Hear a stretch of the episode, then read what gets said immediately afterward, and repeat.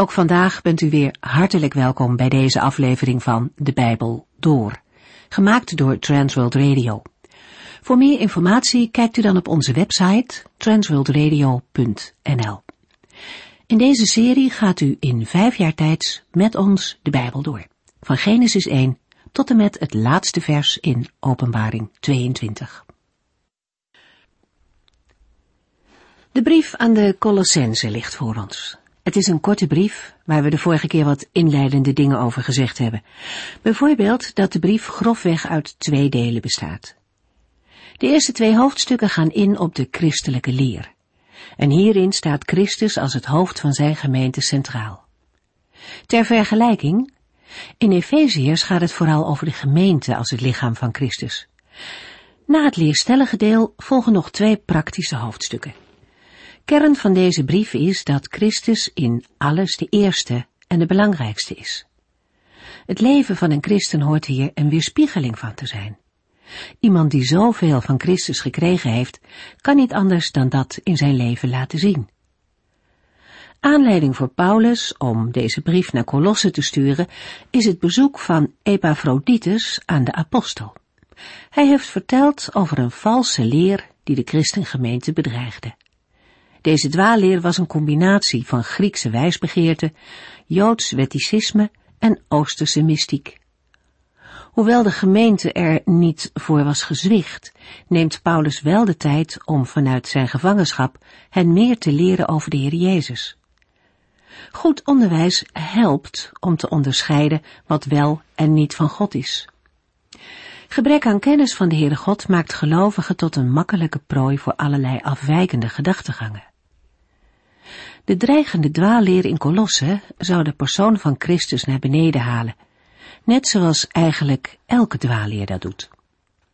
Paulus bestrijdt deze valse leer door een positieve beschrijving te geven van de werkelijke eigenschappen en de kwaliteiten van Christus. Een juist beeld van Jezus Christus is het tegengif voor dwaalleringen. Paulus spoort de Colossense en ook ons aan om deze waarheid met heel hun hart te geloven en er standvastig in te blijven. Laten we verder lezen in deze boeiende brief, Colossense 1 vanaf vers 2. In de vorige uitzending hebben we een begin gemaakt met het lezen van de brief van de apostel Paulus aan de christengemeente van Colosse.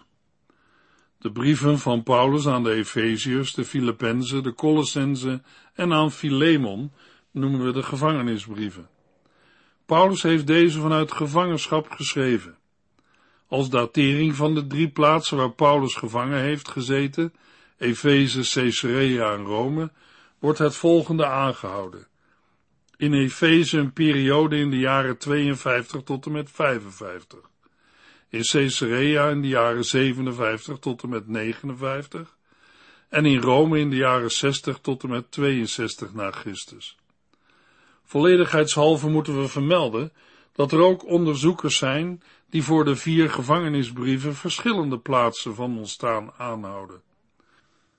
Bij de inleidingen op de afzonderlijke Bijbelboeken van de al gelezen en besproken brieven van Paulus is al vermeld dat er Bijbelgeleerden zijn die de gevangenisbrieven van Paulus plaatsen in Efeze of Caesarea en niet in Rome, zoals de traditie zegt en als ook in onze programma's wordt gezegd. Als het hier alleen maar om een dateringskwestie zou gaan, waarbij de brieven van Paulus enkele jaren later of eerder worden gedateerd, zou de aandacht die we eraan geven niet op zijn plaats zijn. Maar er is meer aan de hand, namelijk enerzijds de verwevenheid van datering en auteurschap, en anderzijds de vrij algemeen heersende opvatting in de moderne theologie dat de pastorale brieven niet van de hand van Paulus zijn en heel laat moeten worden gedateerd. Wij zijn het eens met die theologen die stellen dat de chronologische gegevens in de brieven van Paulus ingepast kunnen worden in het historische kader dat het Bijbelboek Handelingen geeft. Verder komen deze theologen en Bijbeluitleggers ook tot de conclusie dat de pastorale brieven door Paulus zijn geschreven bij deze opmerkingen gaat het om het auteurschap van Paulus met betrekking tot de genoemde brieven, maar ook om de historische betrouwbaarheid van het Bijbelboek Handelingen. Colossense 1 vers 1 tot en met 3 Van Paulus, door God aangesteld als apostel van Christus Jezus, en aan onze broeder Timotheus.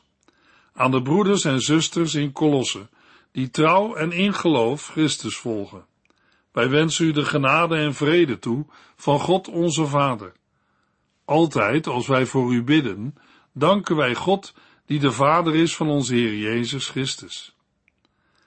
In de vorige uitzending hebben we al stilgestaan bij het feit dat het apostelschap geen zaak is waartoe een mens uit zichzelf het initiatief neemt. In Romeinen 1 vers 1 en 2 schrijft Paulus, Christus heeft mij uitgekozen om zijn apostel te zijn en overal het goede nieuws bekend te maken, namelijk dat God nu heeft gedaan wat hij lang geleden door zijn profeten in de boeken al had beloofd. Paulus is door God aangesteld als apostel van Christus Jezus. In 1 Corinthians 12 hebben we gelezen dat iedere gelovige een gave en taak van de Heer heeft ontvangen. 1 Corinthians 12 vers 4 tot en met 7. De bijzondere gaven zijn verschillend, maar ze worden gegeven door dezelfde geest. De taken zijn verschillend, maar ze worden opgedragen door dezelfde Heere. De activiteiten zijn verschillend, maar ze worden ontplooid door dezelfde God, die alles in ons allen bewerkt. De geest openbaart zich door elk van ons tot welzijn van de hele gemeente. En in vers 11 lezen we, maar het is één en dezelfde geest die dit allemaal bewerkt. Hij geeft ieder wat hij nodig vindt. Hij deelt zijn gaven uit zoals hij wil. Het is goed voor een gelovige om zich af te vragen of hij of zij op de plaats is die de Heere wil en daar de wil van God doet en Christus dient. Luisteraar, bent u er zeker van dat u op de goede plaats bent? Bent u er zeker van dat u de juiste dingen doet? Iedere gelovige is geroepen om in het lichaam van Christus, zijn of haar kerk of gemeente, een taak of functie uit te oefenen. Maar die taak kan een gelovige zich niet uit zichzelf toe-eigenen. De Heere stelt mensen in zijn dienst aan en dat mag door andere gelovigen worden bevestigd, in een aanstelling of een taak. Hoe moeizaam kan een werk in de kerk gaan als er mensen voor zijn aangesteld die er geen gave voor hebben en zich ook niet door de Heere weten aangesteld of geroepen? Zeker, een mens kan zich achter deze argumenten verschuilen, maar is ook dan verantwoordelijk voor de keuze die hij of zij maakt. De Heere stelde Paulus aan als een apostel van Jezus Christus en hij heeft aan die roeping gehoor gegeven. Ook zijn medewerker Timotheus heeft dat gedaan. En u, luisteraar, bent u actief met de gave en de taak die de Heer u heeft gegeven? Heeft de Heer u een taak in de gemeente gegeven? Aan de broeders en zusters in Kolosse, die trouw en in geloof Christus volgen. Paulus heeft het met deze woorden niet over twee groepen, bijvoorbeeld de trouwe en gelovige volgelingen van Christus. Nee, het woordje en is hier heel belangrijk. Het gaat om één groep gelovigen, waarvan wordt gezegd dat zij trouw en in geloof Christus volgen. Mooi is ook dat de brief gericht is aan de broeders en zusters. Zeker, er staat achter in Kolosse, maar dat is niet het eerste. Luisteraar, waar u ook leeft, woont of werkt, Hoort u bij de broeders en zusters van de gemeente van de Heer Jezus Christus? Paulus wenst de broeders en zusters in Kolosse de genade en vrede toe van God onze Vader. De Heere wordt geprezen omdat Hij zich heeft geopenbaard als de Vader van de Heer Jezus Christus. De apostel spreekt in dit verband van onze Vader. Het zijn dezelfde woorden die de heiland gebruikt als hij zijn leerlingen het Onze Vader leert bidden. In vers 3 hebben we gelezen, altijd als wij voor u bidden, danken wij God, die de Vader is van onze Heer Jezus Christus. Paulus zoekt aanknopingspunten met de hem persoonlijk onbekende gemeente. Hij maakt melding van zijn dankzegging aan God voor het geloof van de Colossense. In de volgende verse wordt dat uitgewerkt. In vers 9 tot en met 13 bidt hij om een toename en bevestiging van hun geloof. Colossense 1 vers 4 Want wij hebben gehoord dat u op Christus Jezus vertrouwt en ook uw medegelovigen lief hebt. Via Epaphras heeft Paulus gehoord over het geloof, de liefde en de hoop van de Colossense. Deze drie aspecten van het leven van een gelovige worden ook genoemd in 1 Corinthians 13 vers 13 en 1 Thessalonicense 1 vers 3. Geloof is gebaseerd op het verleden. Liefde werkt in het heden en hoop richt zich op de toekomst. De Colossensen geloven in Jezus Christus en vertrouwen op Hem. Dit betekent dat Jezus Christus de grond van het geloof is en ook dat de gelovigen in Christus zijn en een relatie met Hem hebben. Paulus moedigt in 2 Timotheus 1 vers 13 zijn medewerker Timotheus aan met de woorden Houd vast aan de waarheden die ik je geleerd heb. De waarheden over het geloof en de liefde die Christus Jezus geeft. Het geloof hoort tot uitdrukking te komen in liefde tot de broeders. Omdat de Colossensen deze liefde niet alleen bewezen hebben aan elkaar, maar ook aan de broeders die hen kennelijk bezocht hebben, weet Paulus dat hun liefde zich uitstrekt tot alle gelovigen.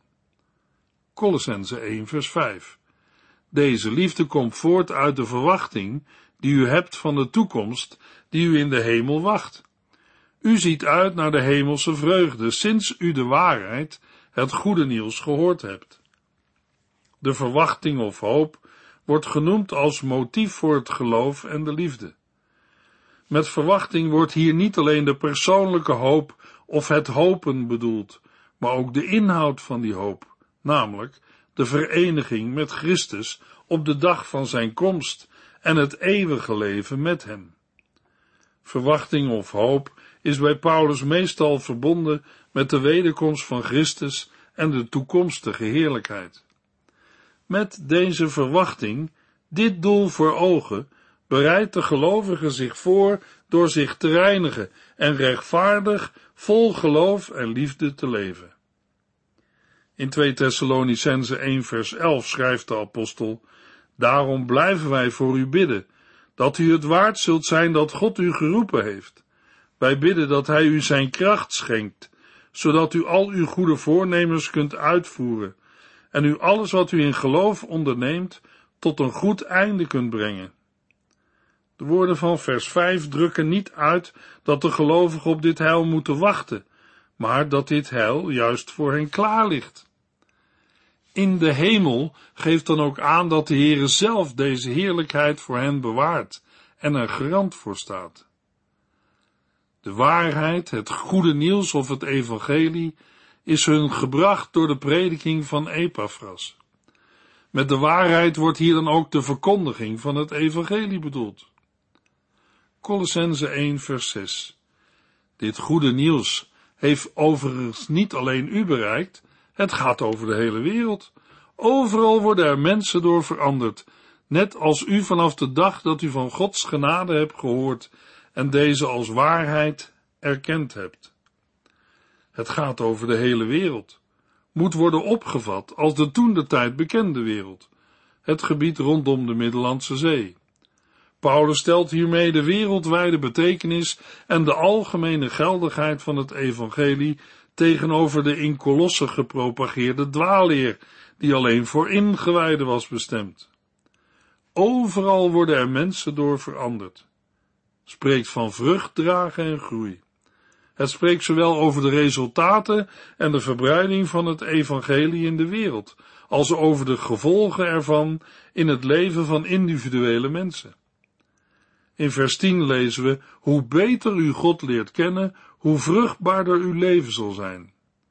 Dat betekent vrucht dragen in goede werken en groeien in geloof en kennis van God. Gods genade bestaat hierin dat God zijn enige geboren zoon, Jezus Christus, zond om door zijn sterven verzoening tussen de mens en God mogelijk te maken.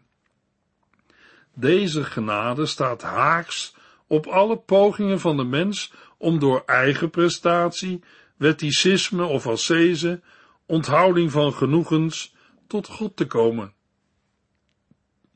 De waarheid erkennen heeft een diepere betekenis dan gewoon leren kennen. Het is inzien en erkennen, zoals alleen de Heilige Geest dat kan bewerken. Dat wordt nog eens versterkt door het woord waarheid. Toen ze tot geloof kwamen, hebben de Colossensen Gods genade als waarheid erkend. Dit erkennen van de onverdiende liefde van God stelt Paulus tegenover alle filosofie en bedrog van de dwaalleraren. Colossense 1 vers 7 U hebt het gehoord van onze medewerker Epaphras, die bij ons erg geliefd is.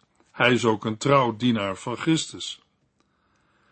Op het moment dat Paulus de brief schrijft, is Epaphras bij hem. Dat blijkt uit Colossense 4 vers 12. Epaphras wordt in vers 7 aangeduid als de stichter van de gemeente te Kolosse. Paulus maakt duidelijk dat de manier waarop Epaphras het evangelie heeft gepredikt de juiste is, want op die manier is het vruchtbaar in de hele wereld. Namens Paulus heeft Epaphras met apostolische autoriteit gesproken. Epaphras is net als Paulus een trouwdienaar van Christus. Voor dienaar staat in de Griekse tekst het Griekse woord doulos, dat letterlijk slaaf betekent. Het wordt in vers 7 in figuurlijke zin gebruikt om aan te geven dat Paulus en Epaphras onvoorwaardelijk gehoorzaam willen zijn aan Christus. Dat Epaphras hier een trouw dienaar van Christus wordt genoemd, bewijst dat hij zijn werk in opdracht van de Heer heeft gedaan. Die opdracht gaat boven de opdracht van Paulus uit. Gelovig en in afhankelijkheid van de Heere heeft Epaphras zijn werk in Kolosse gedaan. Ook van andere medewerkers geeft Paulus aan dat zij trouw zijn in de verkondiging van het evangelie. Paulus benadrukt de betrouwbaarheid van de woorden van Epaphras aan de Colossenzen. Zijn woorden bevatten het goede nieuws van het evangelie van Jezus Christus. Het is de eenvoudige boodschap waarin de Heere u, jou en mij eenvoudig vraagt te geloven. Daarbij gaat het om een aantal basisfeiten, zoals Jezus Christus werd geboren uit de maagd. Hij verrichtte wonderen. Hij is God en mens. Hij stierf aan het kruis. Hij werd begraven en stond weer op uit de dood en is weer teruggegaan naar de hemel waar hij vandaan kwam. En daar zit hij aan de rechterhand van God de Vader. Van daaruit verwachten wij hem op de wolken des hemels, waarbij elk oog hem zal zien. Wat gelooft u, luisteraar? Het evangelie verandert echt mensenlevens. Colossense 1 vers 8 Hij heeft ons verteld hoe groot de liefde is die u door de Heilige Geest hebt ontvangen. Aan het einde van Paulus' dankzegging komt opnieuw de liefde ter sprake. Deze liefde wordt nader omschreven als die u door de Heilige Geest hebt ontvangen. Alleen de Heilige Geest kan een dergelijke liefde in het hart van een mens bewerken. De gelovigen zijn in Christus, in de Heilige Geest, als in een atmosfeer waarin een gelovige leeft en ademt. De vrucht van een leven door de Heilige Geest is onder andere liefde. Tegelijkertijd maakt Paulus hier duidelijk dat Epaphras hem niet alleen is komen berichten over de dwalingen die er in de gemeente van Colosse waren, maar in de eerste plaats heeft verteld over hun liefde. Paulus spreekt over Epaphras als onze medewerker Epaphras die bij ons erg geliefd is. Hoe vriendelijk kon Paulus over andere dienstknechten van God spreken? Hij wilde blijkbaar iets goeds zeggen over hen die het woord van God verkondigen. Maar hij kon ook radicaal zijn in het bestraffen van gemeenteleden en het aanwijzen van misstanden. Ook daarin volgt hij zijn meester Jezus Christus. Vooral de Heer Jezus was genadig voor zondaars. Denk aan de overspelige vrouw in Johannes 8. Zij zou worden gestenigd, maar de Heer is genadig voor haar. Johannes 8, vers 10. Jezus zegt tegen haar, ik veroordeel u ook niet. Ga maar en zondig voortaan niet meer. In Johannes 3, vers 2 ontmoeten we een fariseer, Nicodemus, die naar de Heer Jezus toekwam en hem probeerde een compliment te geven. Meester, zei hij, wij weten dat God u gezonden heeft om ons te leren. Toen de Heer Jezus met hem had gesproken, stond hij met een mond vol tanden en begreep hij de woorden van Jezus niet. Opnieuw geboren worden, vroeg Nicodemus, hoe kan dat? De Heer Jezus vertelde hem over de liefde van God en het kruis. God heeft zijn enige zoon gegeven, zodat een ieder die in hem gelooft niet verloren gaat, maar eeuwig leven heeft. Zo genadig ging de heiland met Nicodemus om. De liefde van Christus heeft vrucht gedragen, want we lezen later van Nicodemus na de kruisiging dat hij meegaat met Jozef van Arimathea om het lichaam van Jezus in een graf te leggen. Colossense 1 vers 9 Daarom blijven wij, vanaf de dag dat wij het hebben gehoord, steeds voor u bidden. Wij vragen God om u te laten begrijpen wat Hij wil dat u doen zult. Wij vragen voor u om wijsheid en geestelijk inzicht. Na zijn gebed voor alle goede berichten die hij over de Colossense heeft gehoord, gaat Paulus nu verder met voorbeden. Hij maakt duidelijk dat hij voortdurend in gebed worstelt voor de gemeente. Hij bidt de Heer om de Colossense te vervullen met wijsheid en geestelijk inzicht. De begrippen kennis, wijsheid en inzicht werden ook gebruikt door de dwaalleraars in Kolosse. Maar hun wijsheid had niets te maken met gehoorzaamheid aan de wil van God. Colossense 1 vers 10 Dan zult u tot eer van de Heere leven en doen wat hij graag wil. Hoe beter u God leert kennen, hoe vruchtbaarder uw leven zal zijn. Het beter leren kennen van de wil van God heeft maar één doel: een gedrag dat met die wil overeenkomt. Een vruchtbaar leven tot eer van God. De levenswandel van de gelovigen moet de Heere waardig zijn, namelijk heilig, omdat de Heere heilig is, en naar zijn wil of welbehagen, zodat de Heere er vreugde over kan hebben. Als het meer om het behagen van mensen gaat dan om de Heere, dan wordt dat in het Nieuwe Testament meestal als negatief gezien. Colossense 1 vers 11 Ook vragen we hem u te sterken met zijn geweldige hemelse kracht, opdat u alles blij en geduldig kunt verdragen. Paulus bidt ook dat de Colossense kracht zullen ontvangen. Kracht is één aspect van de heerlijkheid van God, waar de gelovige deel aan krijgt. De kracht waarom gebeden wordt, heeft een gelovige nodig om te kunnen volharden en om geduldig te blijven. Geduld is het niet toegeven aan de verleiding om wraak te nemen, kwaad met kwaad te vergelden, het recht in eigen hand te nemen of de zelfbeheersing te verliezen. De genoemde begrippen spreken over de vasthoudendheid van een gelovige, die zich niet laat afbrengen van de hoop en niet moe wordt liefde te betonen. Colossense 1 vers 12. En wij danken hem dat hij u in staat stelt om te delen in de heerlijke erfenis die toebehoort aan zijn volk dat in het licht leeft. Het dankzeggen is een laatste kenmerk van gelovigen, waarvoor Paulus tot de Heere bidt. De woorden geven aan dat de bekwaamheid door de Heere is gegeven. Het is geen verdienste van de gelovigen, maar een gave van God aan de Colossense toen zij tot geloof kwamen. Zoals de Israëlieten hun toekomstige erfdeel in het land Canaan volgens het lot kregen toegewezen, zo ontvangen de gelovigen een erfenis in het koninkrijk van God, het koninkrijk van het licht. Nu al hebben de gelovigen in de vervulling met de Heilige Geest een onderpand van deze toekomstige erfenis ontvangen. Colossense 1 vers 13 en 14 Want God heeft ons bevrijd uit de macht van de duisternis en ons een plaats gegeven in het koninkrijk van zijn geliefde zoon, die onze vrijheid kocht met zijn bloed, en daardoor ontvingen wij vergeving voor al onze zonden. God de Vader heeft de gelovigen verlost uit het koninkrijk van de duivel, maar ook uit de slavernij aan de zonde, waartoe de duivel de mensen had onderworpen.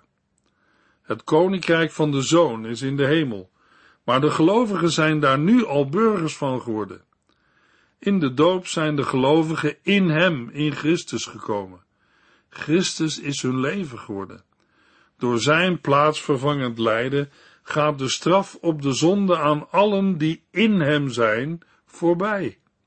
Met het sterven van Christus is de straf op de zonde betaald en ontvangen gelovigen die in Christus zijn vergeving van zonden en kwijtschelding van straf. Met deze woorden toont Paulus zijn dankbaarheid voor het wonder van Gods genade. In de volgende uitzending lezen we verder in Colossense 1, vers 15 tot en met 18. U heeft geluisterd naar De Bijbel Door, in het Nederlands vertaald en bewerkt door Transworld Radio. Een programma waarin we in vijf jaar tijd de hele Bijbel doorgaan.